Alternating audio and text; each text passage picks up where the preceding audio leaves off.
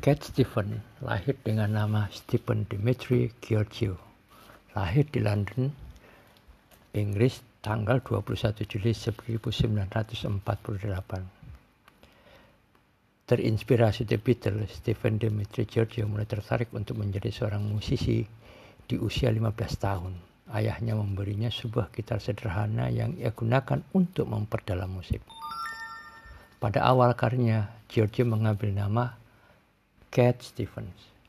Pada tahun 1966, Giorgio yang sebelumnya hanya menjadi penyanyi dari kafe ke kafe, mulai dilirik produser bernama Mike Hurst menggunakan nama panggung Cat Stevens.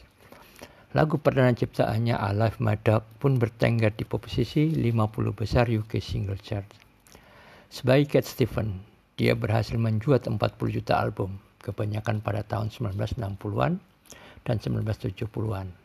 Lagu-lagu yang paling populer termasuk Morning Has Broken, Peace Train, Moon Shadow, Wild World, Father and Son, You and Son, and Of Very Young.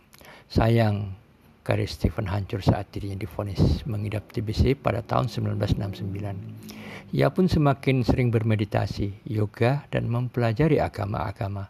Sampai terciptalah sebuah album Buddha and the Chocolate Box pada tahun 1974 sebagai hasil representasi dari meditasinya tahu sang adik senang mempelajari ilmu agama, kakaknya Stephen yang menganut Judaisme yaitu bernama David Gordon, memperkenalkannya pada Al-Quran. Sama semakin lama mempelajari Stephen pun kian dekat dengan Allah hingga pada tahun 1978 ia pun mantap menjadi mu'alaf.